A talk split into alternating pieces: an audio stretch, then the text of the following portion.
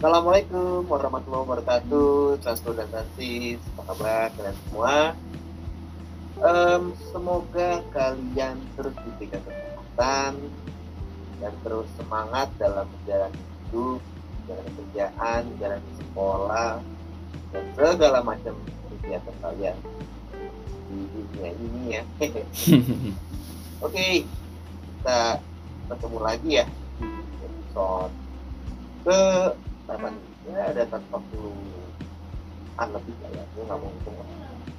Uh, by the way, kita ngomongin transportasi dari sisi apa lagi ya kira-kira kayaknya sih memang udah banyak tapi juga masih banyak yang perlu digali. Nah kayaknya kita ngomongin sesuatu yang umum-umum dulu deh. Nah tahu nggak sih satu dan transit tentang angkutan parasit? Eh bukan parasit sorry. Waduh parasit itu. Para transit ya. Jadi apa sih angkutan para transit itu gitu ya? Kenapa sih ada namanya angkutan para transit gitu? Apakah uh, para transit itu adalah angkutan yang nggak bisa transit ke angkutan lainnya kah atau bagaimanakah? Mungkin kali ini uh, Transcaster Azam akan menjelaskannya Oke, angkutan para transit. Um, secara pengertian sih bisa dibilang angkutan penumpang informal atau bisa dibilang alternatif lah yang disediakan oleh operator terus bisa dipakai sama semua orang juga ada kesepakatan nih antar penumpang dan pengendara dan rutenya itu atau jadwalnya itu sesuai dengan keinginan dari pengguna. Jadi bebas gitu. Nah terus juga angkutan para transit ini sifatnya fleksibel. Nggak ngikutin rute atau jadwal. Sama kayak uh, atau apa tuh? Kan kalau misalnya bus kereta itu kan berhenti di sepanjang rute sesuai dengan kesepakatan penumpang. Mm -mm.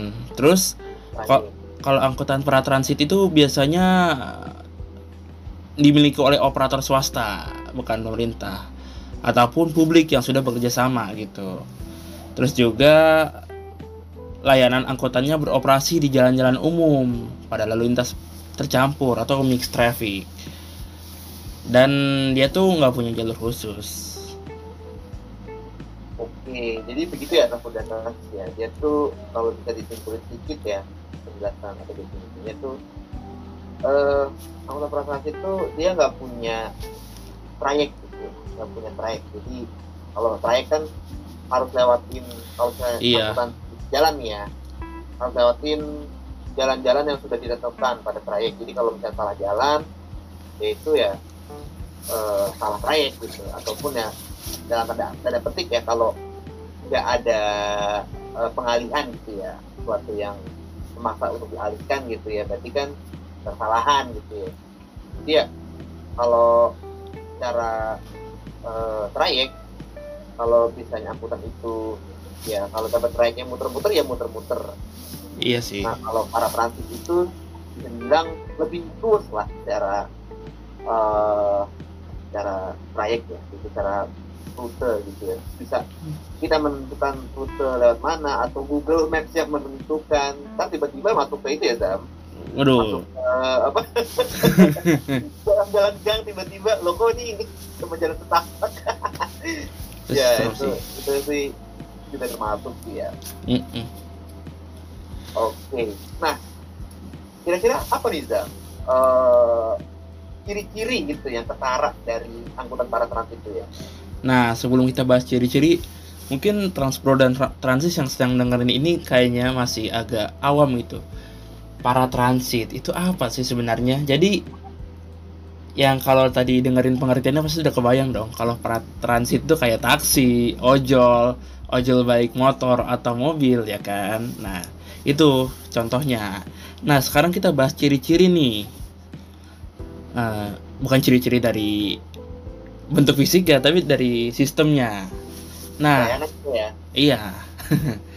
Jadi angkutan para transit ini pelayanannya pelayanannya itu satu cepat terus juga ngejangkau di luar batas wilayah jadi kan kayak eh, sesuai apa yang kita tuju itu bisa terus juga beroperasi satu hari penuh tidak memiliki jadwal tetap dan trayek. Jadi kapan pun dan di mana pun itu bisa. Tapi ya sesuai daerahnya di lah nah terus juga harga nih. Harganya berdasarkan kesepakatan antara penumpang dan pengendara ya kan? Kalau ojol kita di awal muka disodorin segini. Terus kalau eh ojol baik mobil atau motor terus kalau taksi apa namanya? Apa sih tuh argo.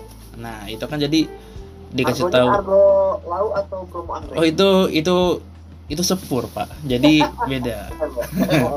Jadi argo kayak awalnya tuh berapa ntar dikasih tahu. Ntar kalau sepakat oke. Sama hal juga kayak aplikasi ojol kan. Iya, ketika iya. kita sepakat kita pesen. Nah terus yang keempat nih ada keterkaitan erat dengan pola keruangan kawasan yang dipengaruhi oleh pola guna lahan dan sebaran kegiatan. Gitu sih. Eh bentar kal. Kayaknya nih bahasanya agak sulit nih. Yang keempat nih itu maksudnya gimana ya kal? Kalau menurut lo Kalau ngomong ke ruang kawasanan gitu ya, wah, gue orang PWK boy. Tapi ya, apa ya? eh, pengaruh dari lingkungan kawasan kali ya, gue kurang paham itu ketat ya. Mungkin harus dikaji lagi sih kalau misalnya di suatu kawasan itu ya cuman ada yang mengharuskan ya cuman dia ya dia aja gitu. Jadi eh, mungkin uh, pola guna lahan itu mungkin lebih kayak ke misalnya di suatu titik gitu ya anggaplah uh, ruang mall gitu. Mm-mm. kawasan sekitarnya tuh yang memang nggak nggak ada gitu nggak ada angkutan yang bertrayek gitu ya. Mungkin gitu ya di situ ya ditatanya ya hanyalah taksi ojol dan sebagainya gitu. Mungkin tapi nggak tahu juga ya. Mungkin uh, transportasi saya dengar bisa menambahkan nantinya gitu. Mm-mm. yang kali gitu ya kali koreksi pemrong gitu ya. Berarti ya kalau gua bisa lihat eh kalau tadi menurut lu tuh ya pendatannya nih ya. Kan tadi ada harga juga. Dan memang benar gitu kalau eh, secara online itu udah dikasih harga per kilometernya berapa gitu kan. Begitu juga argo gitu argo dari taksi gitu kan. Ketika kita masuk eh, awalnya tuh udah start kalau nggak salah dulu tuh zaman gua dulu pernah naik itu tujuh lima ratus nggak tahu sekarang udah berapa ya udah lama Iya. banget taksi gitu jadi tentuan eh, tarifnya dari situ sampai ya, ya berapa kilometer naik naik naik naik terus gitu ya terus juga eh, kalau ojol tadi juga yang angkutan online juga ya terus juga ada juga nih harga nembak Buset, buset. Kayak kenal tuh kayak romana gua. bajai contohnya itu para transaksi harga nembak gitu kan Itu kayaknya ada itu juga tuh, ada penawaran juga.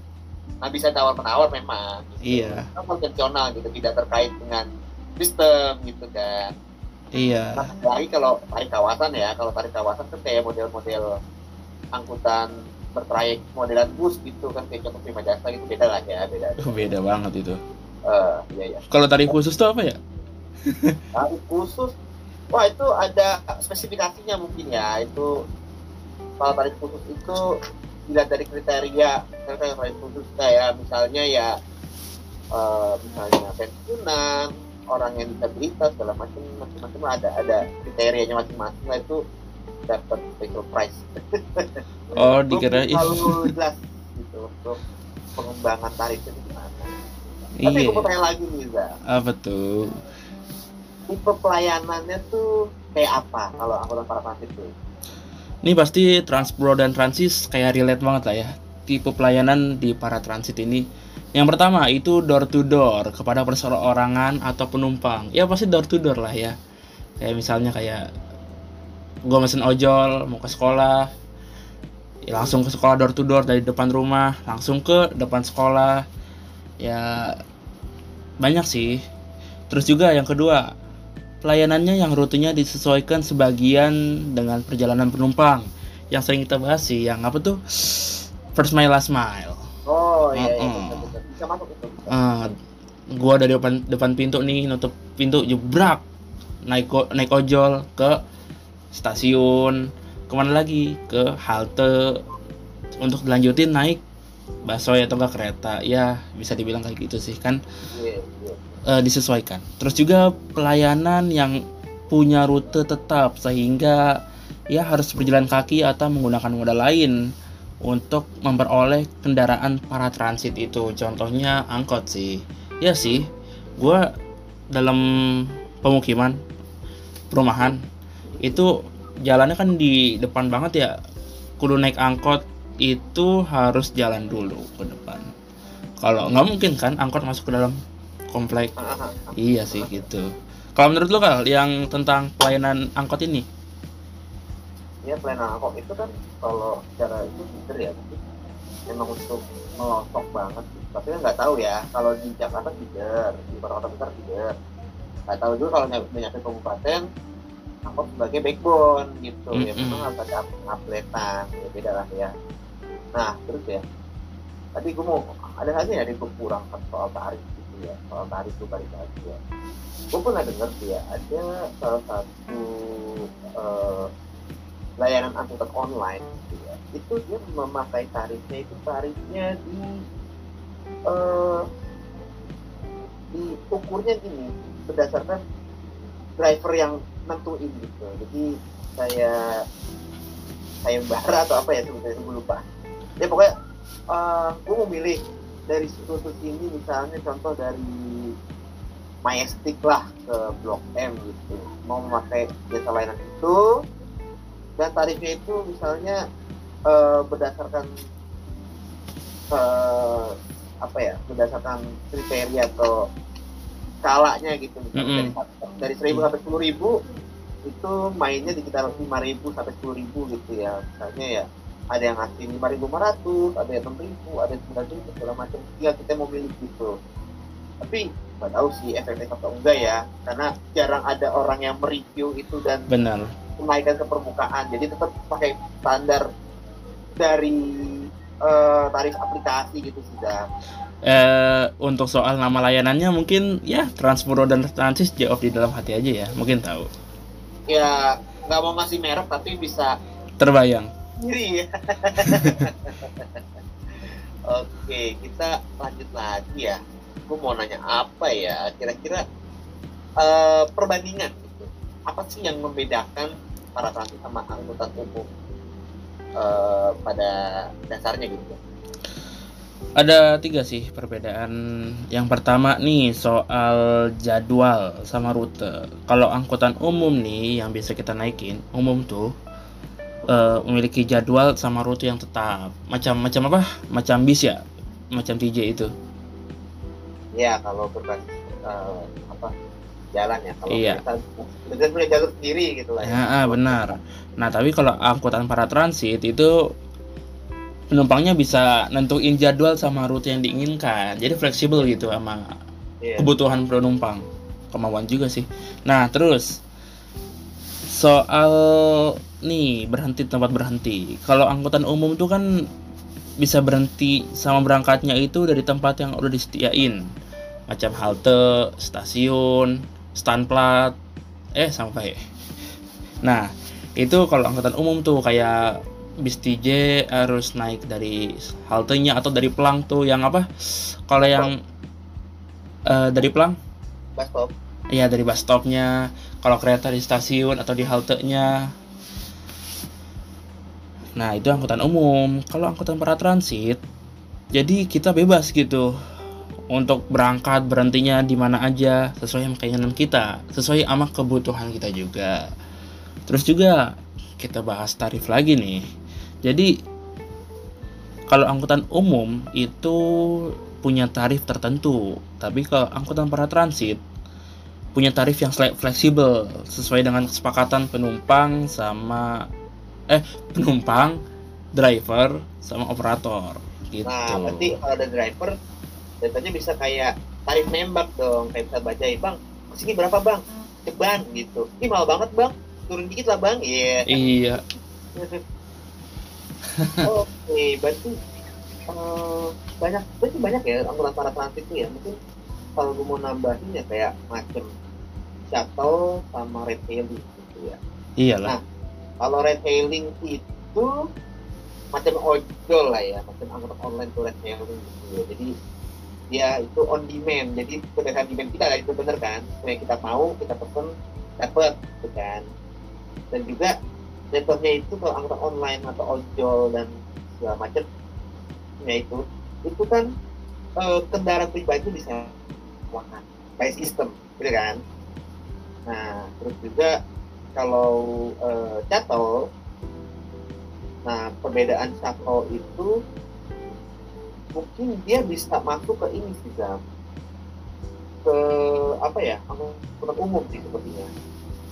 Nah kalau shuttle itu dia punya rute misalnya ya dari Bintaro ke Bulus lewat tol. Ya udah Bintaro masuk tol Lebak Bulus balik lagi Bintaro gitu.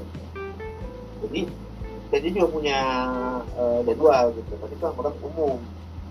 Tapi rutenya yang langsung direct gitu. Dan hanya memiliki eh, kurang dari berbagai titik ya mungkin pak titik start sama finish doang atau titik start ngeser sedikit baru finish ya nah ada juga nih eh, angkutan yang apa namanya para transit tapi juga ada rasa kayak angkutan umum pada biasanya namanya social ride.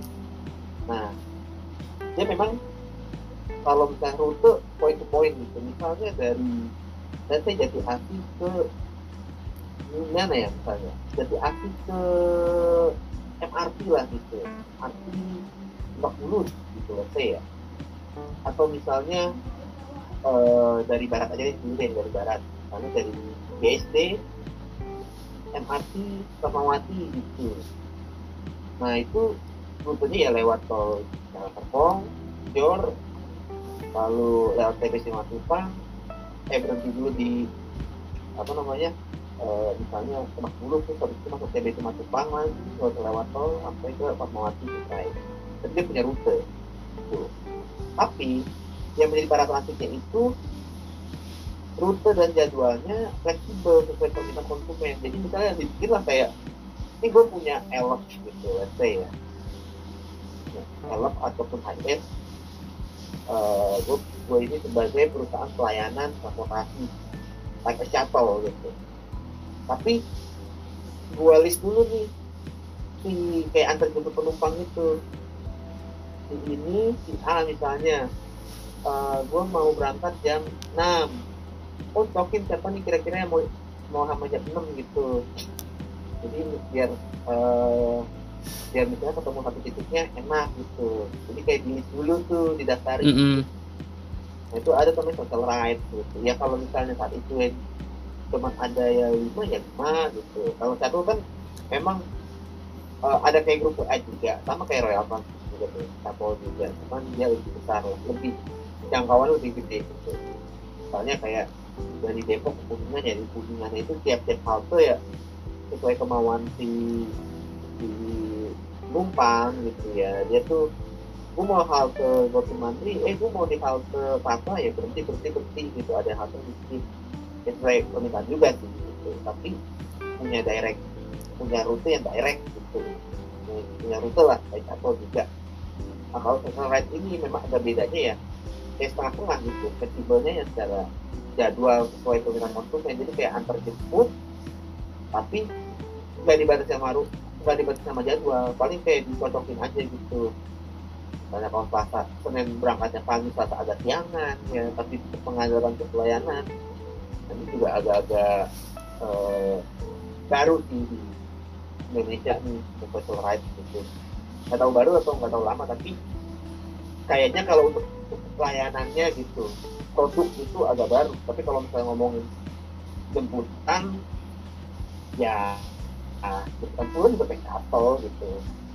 Meskipun ya di, brandnya dari misalnya sebuah perusahaan kementerian gitu ya Zam ya. Iya benar. Kan ada tuh kayak misalnya suatu lembaga gitu. Ini liputan ke misalnya mana? Parung gitu ya. Muter-muter daerah Parung aja yang main Parung gitu itu menarik juga untuk dibahas memang sama di episode para pagi ini gitu. Intinya sih ternyata banyak gitu.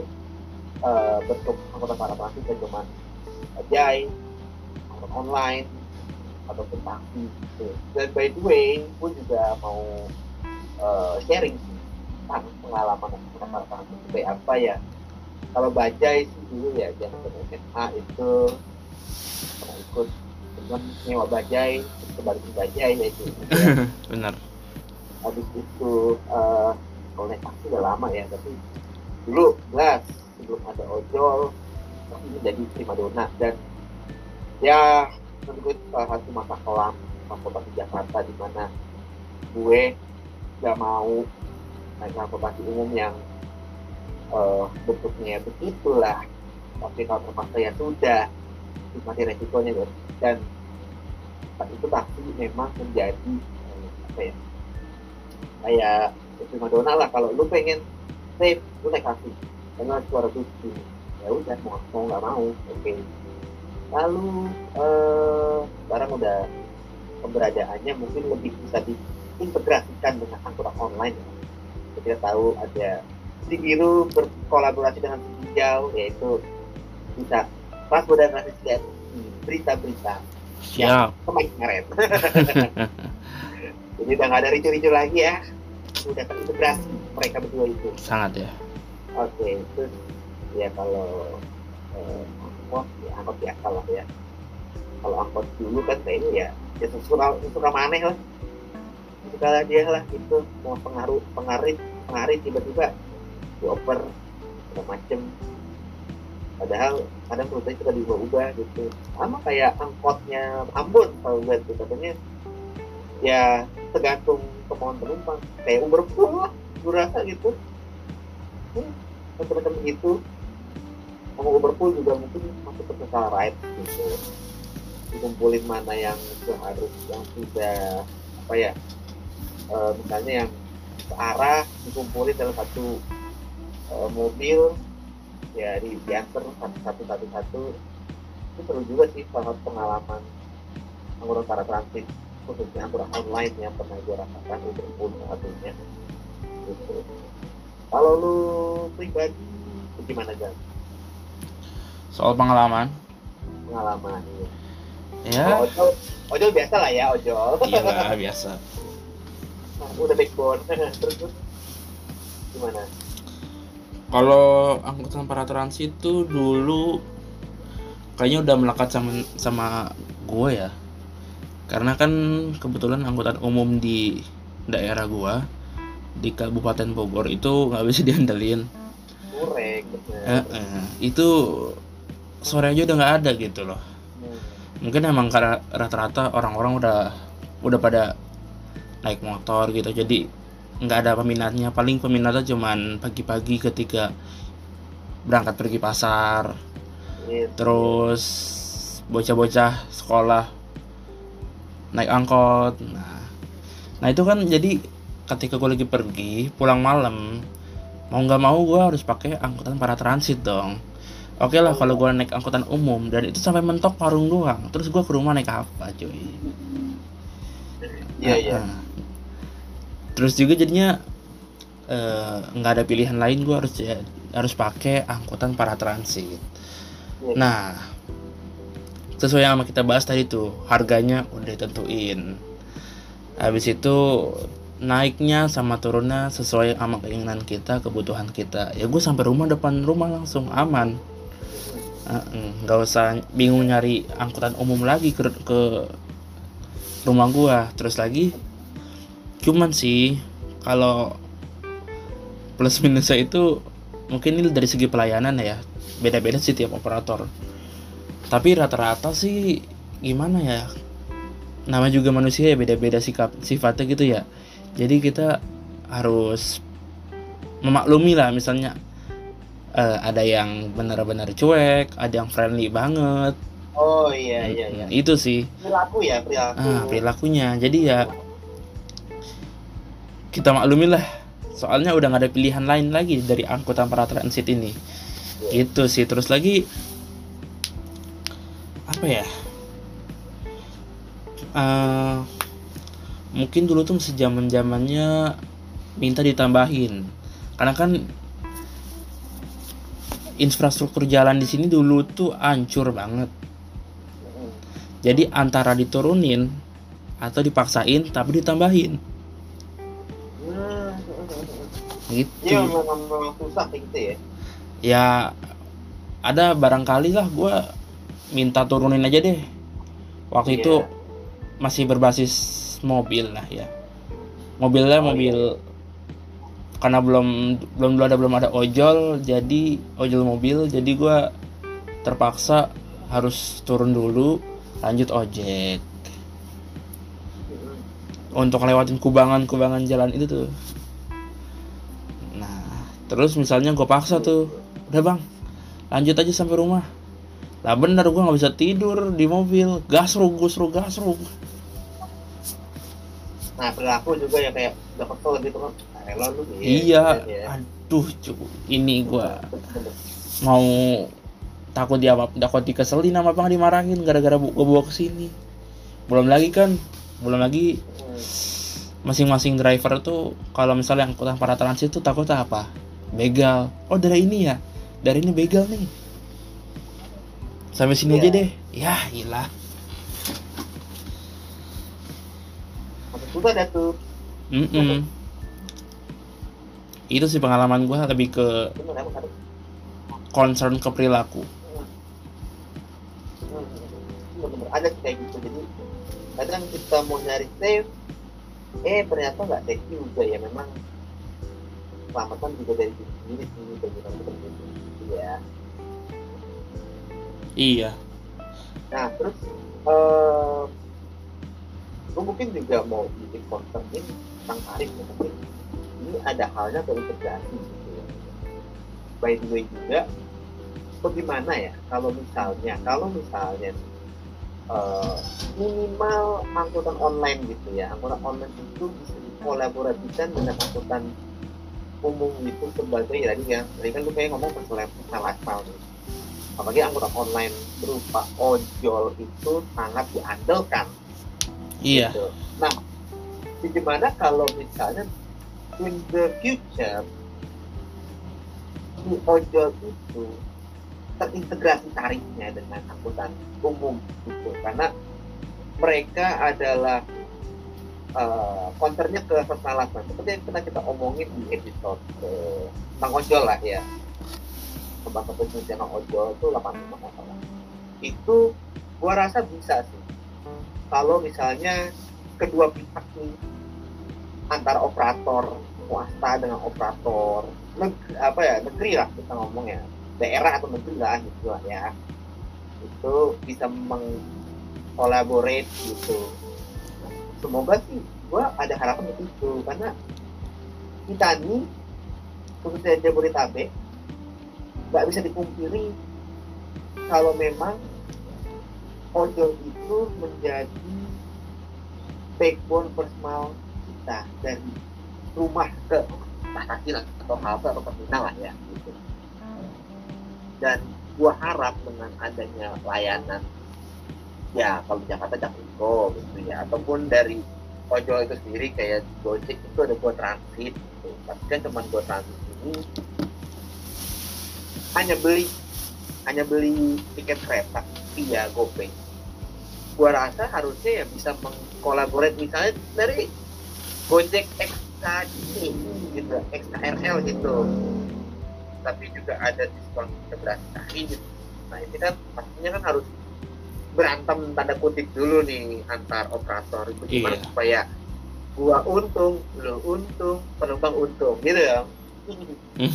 Nah itu memang gua rasa harus pelan-pelan banget bisa mengarah ke situ. Biar apa? Ujung-ujungnya seamless transportation seamless mobility seamless integration. Seamless lah. Kita mau ke mana-mana gampang. Apalagi pas di last mile-nya kita bisa memilih kiranya gue mau naik bis feeder, angkot ataupun ojol lagi kan? Karena ojol ini unsur pertimbangannya adalah directness.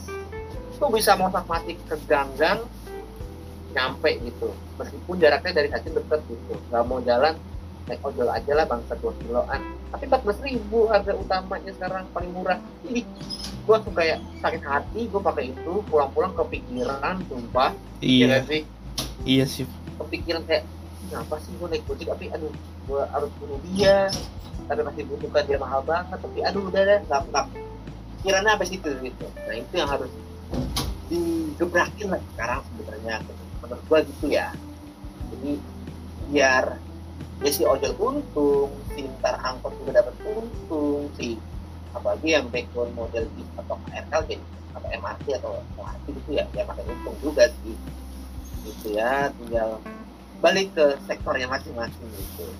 Cuman ini karena kak sih memang udah harapan gue sih mungkin ke depannya ini harga buat first mile nggak bakal turun kecuali kalau ada voucher.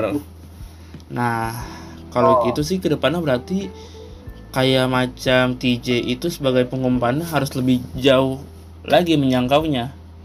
Karena kan eh misalnya kayak pemukiman pemukiman orang-orang di apa tuh penunjang Jakarta misalnya yang kerja di Jakarta tinggal di luar Jakarta kan semakin meluas tuh nggak cuma di Oh, iya. Tangsel doang tapi semakin ke Bogor ke Bogor juga nah gua harap sih kalau bukan kayak semacam TJ itu bisa jadi penunjang gitu jadi gua nggak jauh-jauh ke stasiun jadi bisa ke halte TJ terus udah bisa nyambung terintegrasi ke mana pun. Bisa sih. Tapi ya memang kita lihat dulu range nya itu sampai berapa kilometer dan juga batasnya apakah udah bisa me- melewati kabupaten atau dulu. Karena selama ini banyak ke kota. Dari si kabupaten mepet dikit ya di daerah Harapan Indah dikit doang itu mah Ah, terus juga eh, apa lagi ya? Oh kemungkinan besar juga angkutan-angkutan perumahan yang komplek-komplek juga harus integrasi tarif nah iya sih tapi itu yang diharapin sangat concern uh, sangat concern itu sebagai angkutan para transit ya gue di ojol karena dia itu direct cepet bisa masak masik udah. Udah udah untung banget lah gitu. Indonesia punya ojol tuh udah untung banget tinggal kita bisa mengkaji bisa me- me- menggali potensi keuntungan dari si ojol itu. Dari angkutan para transit ini angkot taksi lah ya gitu jadi lu bisa eksklusif lu bisa inklusif dengan berbagai moda lainnya gitu. Jadi ya balik lagi ya nanti ya mungkin besar ya uh, driver juga dapat untung penumpang dapat untung dan juga perusahaan dapat untung. Dan ini sih memang udah ada kerjasama gitu ya sama salah satu operator ojol tapi hanya mengkol mengkolek aja menggabungkan aja gitu tapi tarif mah tetap belum gitu. Loh sama nggak yang ngasih rute tercepat oh lu naik aja nih naik si ojol sampai sini ntar lu nyambung ini ngapain? Ini yang lu rute terhemat gitu. Ya mungkin kayak gitulah mungkin kita nih di episode ini ada sedikit pesan juga ada sedikit harapan juga ada sedikit rekomendasi juga dan juga ada sedikit edukasi nih dan semoga Dan Francis yang mendengarkan nih bisa hmm, terpantik juga lah ya dengan obrolan kita. Ya nggak serius amat sih tapi dibuat santai aja. Dan semoga ke depannya harapan itu ya mudah-mudahan bisa terwujud deh biar at least di Jabodetabek ini eh, bisa menciptakan seamless mobility yang ya secepatnya lah. Mungkin itu sih episode kali ini. Oke Transfer dan Nantis sekian dulu yang bisa kita sampaikan. Assalamualaikum warahmatullahi wabarakatuh